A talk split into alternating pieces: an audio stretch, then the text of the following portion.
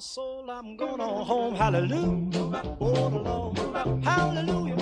Got to move. One day, I got to move. When this night is over, I want to stick my sword in the sand. I want to go on home to Jesus over in the glory land.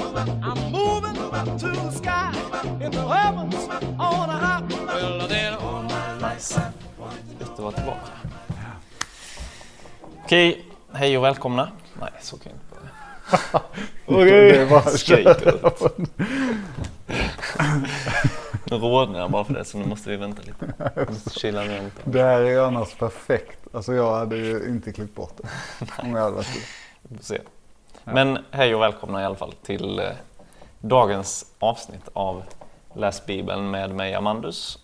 Och jag är ju här tillsammans med Robin. Alltså jag. Mig. Jag. Jag är inte så bra på grammatik så jag kan inte säga hur man ska säga. Jag väljer att inte lyfta det faktum att jag är språklärare i detta sammanhang. Just det. Jobbigt. ja, men gött att vara tillbaka. Det är ju ett tag sedan faktiskt, Mm. sen vi spelade in sist. Ja. Och som ni ser är det väldigt eh, speciella omständigheter här. Vi har växter och Ja. Även- Vi har framförallt kanske framförallt en, en eh, ny eh, roll-up med en ny logga. Som Mm. också är på Amandus. Precis. Elis nya logga. Bra grejer. Mm. Och vi har valt att eh, använda bibeltillits roll-upen. Mm. Vi har ju våra tre ord annars, värdeord, Mm. som ELU jobbar för. Jesusglädje, bibeltillit och missionsiver. Och eh, dels för att den är grön valde vi den. Men också för att eh, vi ju läser Bibeln. Det blir väl en del Jesusglädje och kanske växer lite missionsiver också när vi läser i Bibeln. Förhoppningsvis. Men eh, bibeltillit är ju eh, ett, viktigt, en, eh, ett viktigt värde för ELU. Mm. Eh, Vi läser ju i Efesierbrevet och vi är inne i sista, sista kapitlet. Eller? Ja, Mm. det sista kapitlet. Ska precis börja. Precis, kapitel 6 då. Så eh, slå upp din bibel och läs med oss de första verserna i kapitlet. Eh, Men innan dess kan vi ju be Det gör vi. Herre, tack för att vi får läsa ditt ord. Tack för att vi får lita på att det du säger där är sant, Herre. Hjälp oss att förstå mer av vem du är och hur du är och vad du vill säga till oss, Herre, när vi läser ditt ord. Tack för att det är liksom en aldrig sinande källa eh, som vi får ösa ur, Herre. Ber att du ska öppna våra hjärtan, alla vi som läser och alla som tittar eh, och lyssnar på det som vi ska prata om sen eller så här. Ehm, och hjälp oss att tänka goda tankar och säga goda saker. I Jesu namn. Amen. Amen. Ja, vi slår upp och läser.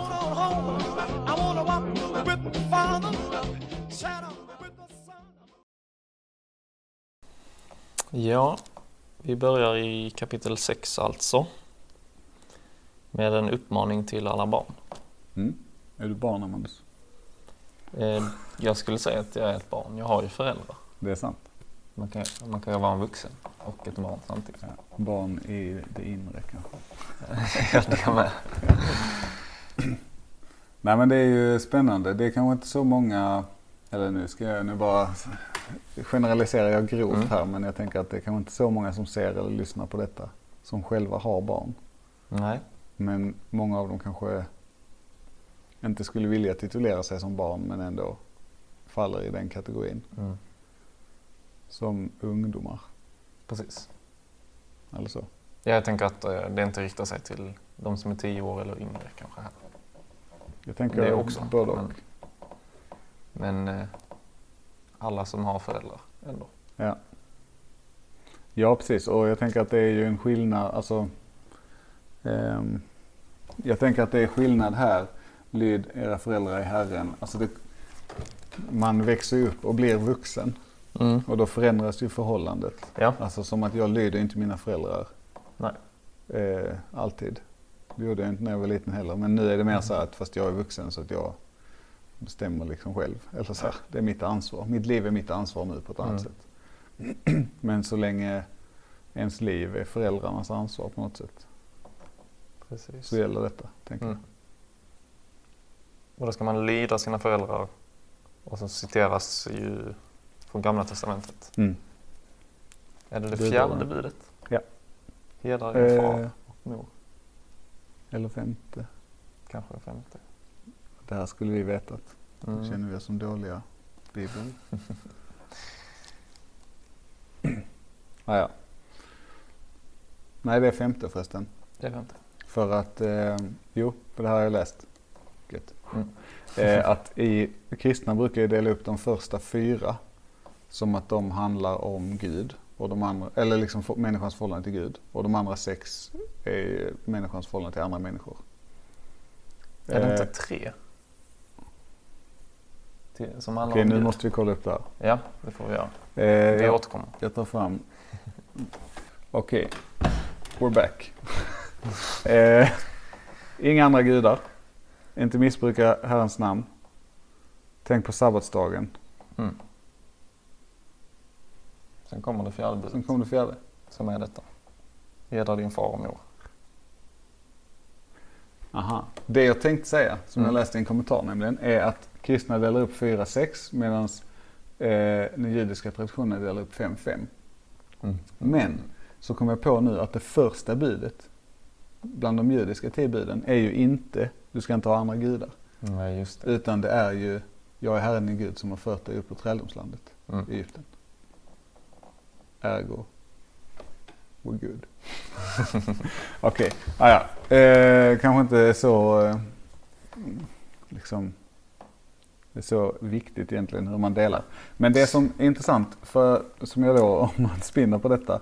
Eh, i en av de kommentarerna jag läste så pratar man om just det här att eh, vi ser ju det här budet, du ska ak- visa aktning för din far och din mor, eller hedra din far och din mor. Eh, det ser vi som ett förhållande, alltså som ett bud som handlar om mitt förhållande till andra människor. Mm. Medans eh, poängen i den här judiska uppdelningen då är att eh, de menar att det budet inte främst handlar om mitt förhållande till andra människor utan att den relationen på något sätt den handlar om, också om hur jag förhåller mig till Gud. Därför att, och det kommer vi tillbaka in i den här texten då, eh, därför att Gud har liksom satt in en ordning Mm. i världen på något sätt. Att barn ska lyda sina föräldrar. Mm. Eh, även efter de har blivit vuxna på det Mm. sättet att man ska hedra dem liksom och man ska ha respekt för dem och så här. Mm. Eh, och det gör man liksom utifrån sin, ehm, sin respekt och sin gudsfruktan. Liksom. Och därför menade de den kommentaren då att man ibland har tänkt så att det här hör till de första buden. Så att säga. Okej. Ehm, Mm. Så det är en intressant tanke. Jag, jag tänker att eh, ska man tänka så så kan man ju dra, då är ju alla buden det. För att på något sätt ingår ju alla, alltså utgångspunkten för att man ska lyda buden överhuvudtaget. Är ju att man fruktar Gud. Ja. Så då, Precis. Men eh, på vilket sätt eh, på vilket sätt skulle det vara, eller varför är det Guds vilja att vi ska lyda våra föräldrar? Jag tänker att det är för att det är liksom eh, familjen, äktenskapet men också familjen används ju ofta som en bild för liksom Guds förhållande till kyrkan, människorna Mm. generellt sett. Att vi är ju liksom Guds barn. Och därför är ju bilden barn, förälder är ju eh, en bild av människan och Gud. Mm. Och vi är liksom på ett sätt kan man säga skapta av våra föräldrar. Eller de är vår. De är vårt ursprung på Ja. ett sätt. Och kanske också ofta vet bättre än en själv. Ja. Med all erfarenhet och sådär. Precis. Mm. Jag tycker det är spännande också här. Att ni barn lyd era föräldrar i Herren. Det är rätt och riktigt. Alltså det hade kunnat stå ni barn lyd era föräldrar i allt. Mm.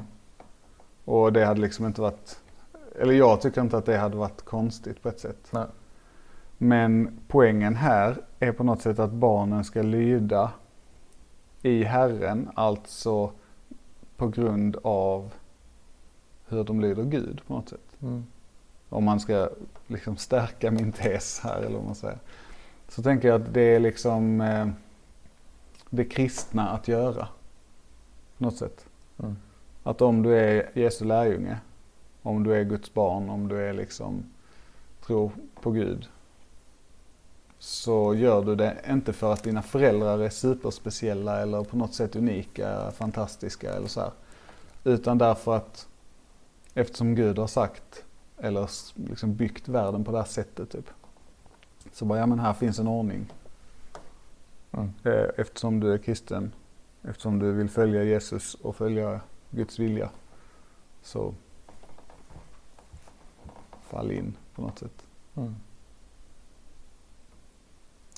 Men om man har då föräldrar som eh, inte uppför sig, eller som inte är eh, schyssta helt enkelt. Som kanske inte tar rätt beslut för sina barn. Som inte älskar dem som en förälder bör göra. Mm. Vad ska man då tänka om det här egentligen? Då tänker jag två saker. Det ena är att vi ska läsa vidare. Mm. För att det kommer en uppmaning till fäderna Just eh, senare. Eh, eller om typ en vers. eh, men också att den här eh, uppmaningen är ju till kristna familjer. Mm. Alltså, jag läste i Bo Giertz kommentar, han var, påpekade det hur många gånger som helst att det här liksom, vi kommer till slavar och herrar sen också. Eh, och det är liksom eh, poängen här när Paulus skriver är inte att vi ska ta detta och så ska vi göra det till allmän lag för hela samhället. Nej. Och så här liksom, att man ska kunna förvänta sig det här. Utan det handlar om att det kristna sinnet på något sätt och det kristna lärjungaskapet eh, ska forma detta Mm. i livet på något sätt. Och då blir det ju, då, konsekvensen blir alltid att om du som barn har föräldrar som, som du säger, inte gör det bästa för barnen och så här. Så är ju, då är man befriad från det budet om man kan säga det så. Mm. Eh, inte, inte budet att hedra sin far och sin mor. Men det är liksom inte, du kan aldrig lyda det, eh, dina föräldrar mer än Gud. Nej. På samma sätt som du aldrig ska lyda staten mer än Gud och Ja. så vidare. Sen blir det ju alltid en eh, balansgång där och det kommer ju finnas massor med fall där det är jättejobbigt att avgöra liksom. Ja. För det finns ju även kristna familjer som Ja, ja. liksom inte Absolut, fungerar som de ska. precis. Och då, är det jätte, då blir det liksom, eh, alltså, ja men då, då får man ju på något sätt försöka se varje situation för sig. Mm. Bibeln är ju typ alltid sån. Mm. Att den, den ger liksom inte så här, okej men i den här situationen ska du göra exakt Nej, så här. Utan den bara så här, älska varandra, Mm. eh, ha respekt för varandra, se till de andras bästa, underordna dig andra människor. Och sen så har du det som ditt liksom så här ramverk. Mm. Och sen har du situationen mitt i och så får man försöka applicera ramverket på den så bra man kan. Typ. Mm. Jag tänker det gäller som barn här också. Att, Tänker du att eh, det kan vara olika för olika människor? Alltså Guds, om, om Bibeln då säger till oss att vi ska älska andra människor. Tänker du att det då kan vara innebära olika saker för olika människor? Ehm, ja och nej. Eller Mm. vad man säger. Alltså jag tänker ju att budet att vi ska älska är ju, är ju super clean. Liksom. Alltså Mm. det är bara, ja men det är detsamma för dig och för mig. Ja, Att vi ska älska andra människor. precis. Ehm, men hur det tar sig uttryck är ju olika. Ja. Alltså, och det ser man ju bara i min relation. Ja, men så här, jag älskar ju dig på ett sätt och det tar sig uttryck på ett sätt. Mm. Men om jag jämför med hur jag älskar min fru så tar det sig uttryck på helt andra sätt. Mm. Dels utifrån min relation till er som är olika men också utifrån hur ni är som personer. Just det. Alltså det kanske inte, ehm, ja, nu, men så här, om jag ska till exempel, eh, eh, jag kanske spenderar tid tillsammans med min fru för att eh, eh göra någonting. Eh, hjälpa henne med någon syssla. Eh, för att hon inte tycker om den sysslan. Mm. Men du tycker ju det är roligt. Så därför blir det tvärtom. Alltså jag kan inte älska dig genom att hjälpa dig med den sysslan. För att Mm. du är mer så här, men jag tycker det här är jättekul. Nu blir det ju mindre för mig. Eller vad man säger. Mm. Ah, Det är ett jättebanalt exempel kanske. Men på det sättet tänker Ja, jag jag att det blir eh, hur man älskar ser ju olika ut. Mm. Och också utifrån, alltså om vi tar samma, ja men eh, jag älskar dig på ett sätt, din fru älskar dig på ett annat sätt. Då är vi ju till samma person, men utifrån vår relation, vilka möjligheter vi har, min personlighet och Matildas personlighet, så gör vi olika saker. Mm. Så tänker jag nog. Ja. Så Gud kan ändå ge olika, kanske tuffa uppgifter också till olika människor. Då Ja men skulle man kunna säga det. Det står ju också, alltså, Alltså om man är, om man är då svag i tron. Så Mm. finns det inte något bibelord om detta? precis jag kan inte det var det står eller hur det är formulerat exakt men det finns ju på, i, liksom, i något av Paulus brev tror jag det är, så skriver han ju om just det här med hur man, alltså att var och en får på något sätt eh, ut- utifrån eh, sin uppgift och sin, sin situation. Eh, de anpassas på något sätt efter ens tro, ens förmåga och ens möjlighet och så. Mm. Eh, både i förhållande om prövning, alltså att Gud inte ska pröva oss över vår förmåga, men också i förhållande om kraft och eh, liksom gåvor vi har fått. Alla Mm. människor är ju inte kallade in i alla situationer. Eh, och det är ju också poängen med bredden i Guds rike på något sätt. Mm. Eh, att vi är, vi är olika Mm. och fyller olika uppgifter. Precis. Och i det sammanhanget så står det också om att vi inte ska döma andra då heller. Precis. Alltså om en annan har, en annan person har fått en annan uppgift av Gud Mm. eller lever på ett sätt som kanske inte du gör Mm. och gör lite andra val. Mm. Så är det inte vår uppgift att döma den personen. Nej. Sen finns det ju vissa saker som, är, som ju Precis, inte precis. är eh, på något sätt valbara. Mm. Och jag tänker egentligen inte det handlar om ett val. Alltså jag väljer inte vad i Bibeln som jag vill följa eller inte följa. För att Bibeln den är, ju, den är ju till för alla människor. Mm. Eh, Men som du har sagt här, det tar sig uttryck på olika sätt. Mm. Och vissa människor kommer sälja allt de äger Mm. för Guds rike. Mm. Andra människor kommer inte sälja allt de äger kanske, men de kommer på andra sätt tjäna Guds rike. Ja. Med sina pengar då kanske. Ja. Eller sitt stora hus. Eller. Ja. ja men absolut. Jag tror att det är ju ehm, alltså det är väldigt viktigt att ha det perspektivet på något sätt. Eh, att det finns en bredd och vi får liksom glädjas över varandras gåvor. Och, Mm. eh, istället för att, för att klanka ner på varandra. Mm.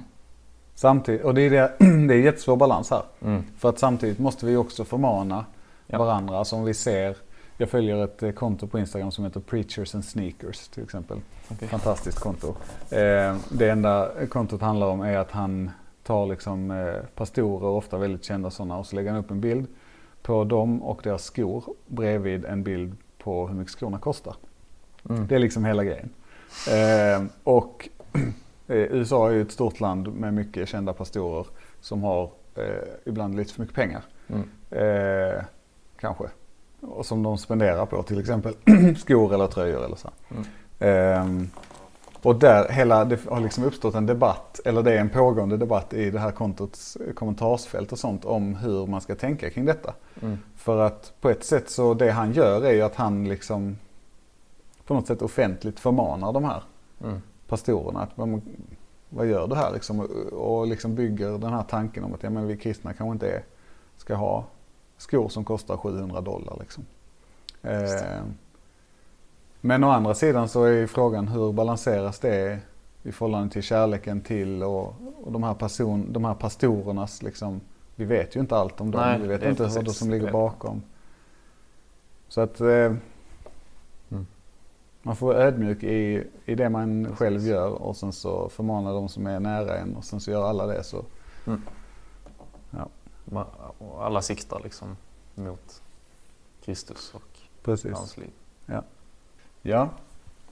Ehm, hedra din far och mor har vi pratat om.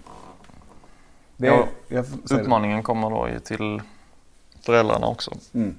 Reta inte upp era barn utan fostra och förmana dem i Herren. Mm. Så det är ändå ett uppdrag som kristna föräldrar då har att man Mm. Ska uppfostra och förmana. Alltså även då på, säga liksom hur man lever ett gott liv. Mm. Vad som är fel, vad som är rätt. Det är Ja. ganska naturligt egentligen. Ja precis. En av kommentarerna jag läste sa ju det att det är ganska intressant att man i den engelska översättningen då så står det ju Bring them up in the training and admonition of the Lord. Det är ju, ja, engelskan är ju alltid eh, mer. Mm. Men, eh, men en av liksom, de grundläggande uppgifterna är på något sätt lydnad. Mm. Eh, och det är därför det också det är så här, lyd era föräldrar. Och sen så fäder, reta inte upp era barn utan fostra och förmana dem i Herren. Mm. Därför att lydnaden eh, som föräldrarna då ska lära sina barn gentemot föräldrarna. Den eh, skapar också förutsättningar för barnens lydnad gentemot Gud. Mhm. För att olydnaden, den ligger liksom i oss. Alltså, nu, nu har jag en treåring hemma. Jag vet att olydnaden ligger i henne. Det är liksom inte, jag behöver inte lära henne att busa. Nej. Jag behöver inte lära henne att inte göra som jag säger. Jag behöver lära henne att göra som jag säger och när man kan busa, när det är okej att liksom vara bångstyrig Mm. för att det är lite kul typ eller så. Eh, och allt det på något sätt får skapa den här grunden så att nu förstår hon ju mer och mer vem Gud är och så här efterhand som vi berättar för henne och försöker lära henne liksom. Ehm, och att hon då sen när hon blir större förhoppningsvis ska kunna se att okej men det här är på samma sätt som jag lydde mina föräldrar och ska lyda mina föräldrar så ska Mm. jag också lyda Gud. Mm. För att han vet bättre. Spännande. Precis Ja. som när jag var 10 år. När hon är 20 liksom tittar tillbaka. När jag var 10 år och mina föräldrar sa klättra inte upp på taket och hoppa ner för du kommer bryta benen. Då tänkte jag nej det kommer jag inte göra. Men mina föräldrar visste bättre. Mm. På samma sätt vet Gud. Alltså, Just det. Det ger ju ett väldigt stort ansvar också till en förälder.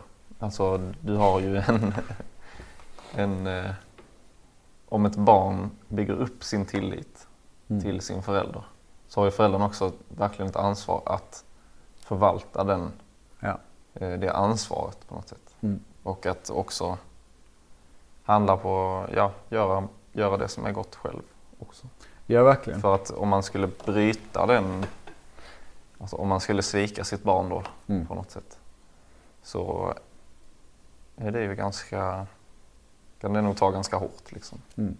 Om man, om man har satt sin tillit till sin förälder på det sättet.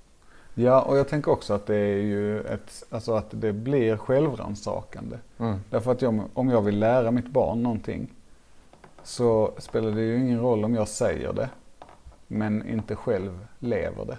Mm. Och därför måste ju allt man vill lära ut på något sätt får ju börja med en själv. Så det blir ju uppbyggande för föräldern. Att säga, Mm. okej men jag vill att mitt barn ska lära känna Jesus. Ja. Då måste jag själv först bara grunda, bara så här, liksom vattna mig och eh, Mm. vara helt genomdränkt av Jesus. För att då kommer, då kommer det naturligt till mitt barn och, Mm. och hon kommer att se liksom att ah, men det här är viktigt för mamma och pappa. Mm. Och de försöker vara så. Mm. Det är ju det här, tänker jag också, just det här med att reta inte upp era barn. Alltså det är ju den att man, man ska inte bara hålla på med sina barn för att liksom. Ehm, och tänka att de på något sätt är, är mindre, de är mindre. Men man ska alltså- inte missbruka sin Nej, precis. auktoritet. Nej så. precis. Bra. Mm. Det var det jag försökte säga. Nej, men jag förstår vad du menar. Eh, Jag Och- vet inte, det kanske finns en risk att man gör det. Nej, men jag tänker som vi pratade innan om familjer som inte fungerar så Ja. bra. Alltså det är ju, det är på något sätt, det finns många, många familjer idag och många personer som får barn eh, som man kanske inte ville ha eller som liksom var oplanerade och därför liksom dåligt tajmade eller vad man ska säga, sådana saker. Och då blir det ju då är det en större utmaning för föräldern på något sätt att ställa Mm. om och inse att okej men nu, det spelar ingen roll vad jag tänkte innan för att nu har jag det här barnet och har ansvar för det och liksom, då skulle det ju kunna bli så att, eh, ja, men att, man som förälder efterhand som barnet växer upp så tar man mer och mer avstånd från det liksom Mm. för att ja, men du var ju det barnet som Mm. vi inte skulle ha eller något sånt. Och som krist, är man kristen då så är det, alltså, behöver man ju komma tillbaka till det här bibelordet och bara rannsaka sig själv och kanske helt göra om med sitt föräldraskap. Mm. Man kan inte ändra det som har varit men man kan göra något annat nu. Mm, precis. Jag kommer också tänka på det här med att vår gudsbild ofta speglas i eh, hur ens egen pappa har Just det. varit. Mm. Om, alltså om du har haft en pappa som inte varit närvarande i ditt liv så kanske du också ofta kan kämpa med just det att Gud inte känns närvarande. Det känns inte som Mm. att Gud är nära en. Eller om man har haft en väldigt sträng och hård uppväxt så kan man också lägga den bilden på Gud. Att Gud är hård och sträng och han förväntar sig detta och detta av mig. Mm. Ja, det är Och det kanske, kanske också är någonting att läsa ur det här. Att den, det, det liksom spelar roll hur dina barn uppfattar dig och Mm. eh, hur du liksom behandlar dem. Ja, alltså det finns ju hur mycket forskning som helst på det just att Mm. eh, ehm, hur det sista du här, sa här nu just att den mest avgörande faktorn för om unga, alltså äldre ungdomar och unga vuxna, om de är kvar i tron. Det är ju hur deras föräldrar har hanterat eh, liksom barndomen och ungdomsåren. Mm. Och hur de har liksom levt ut sin tro på något Mm. sätt. Eh, har man gjort det så är det också mycket högre procenttal av ungdomarna och de unga vuxna som fortfarande är kristna liksom när Mm. de är 20, 30, 40, 50. Men har Mm. man inte det, har det varit liksom något svårt och konstigt. Då är det, ja. Mm. Så om du är förälder och lyssnar och tittar. Think about it. Reta inte upp era barn. Nej, Fostra och förmana i Herren. ja. Mm. Ja, det var ju ett långt samtal. Jag trodde vi skulle Ja. hinna mer. Det var fyra verser. Det känns som våra avsnitt blir längre och längre. Ja, men vi hinner det. prata om mindre och mindre. Det är nog sant. Men eh, nästa eh, gång så tar vi då eh, slavar och herrar. Ja. Mother. Tack för att ni lyssnar och tittar. Skriv gärna om eh, ni har tänkt på någonting utifrån detta avsnittet eller eh, något av de andra. Mm. Och, eh, vi tar gärna upp det eller svarar på mejl. Ja. Vi kan ju också säga förresten att eh, nu, även om det kanske inte verkar så för att våra avsnitt är kortare, kort, eller så här, kortare och kortare texter. Så börjar vi närma oss slutet på Efesierbrevet. Det innebär ju att vi börjar fundera på vad ska vi läsa sen. Eh, och är det någonting, något brev eller något evangelie eller någon bok i GT så har vi täckt in hela Bibeln. ja. Eh, Eller om vi ska ändra upplägget. Precis. Liksom köra mer teman eller svar på frågor och så vidare. precis. Skriv gärna vad eh, du vill lyssna på, vad du tror hade varit uppbyggligt och nice. Gött. Vi hörs. Mm. Ha det bra!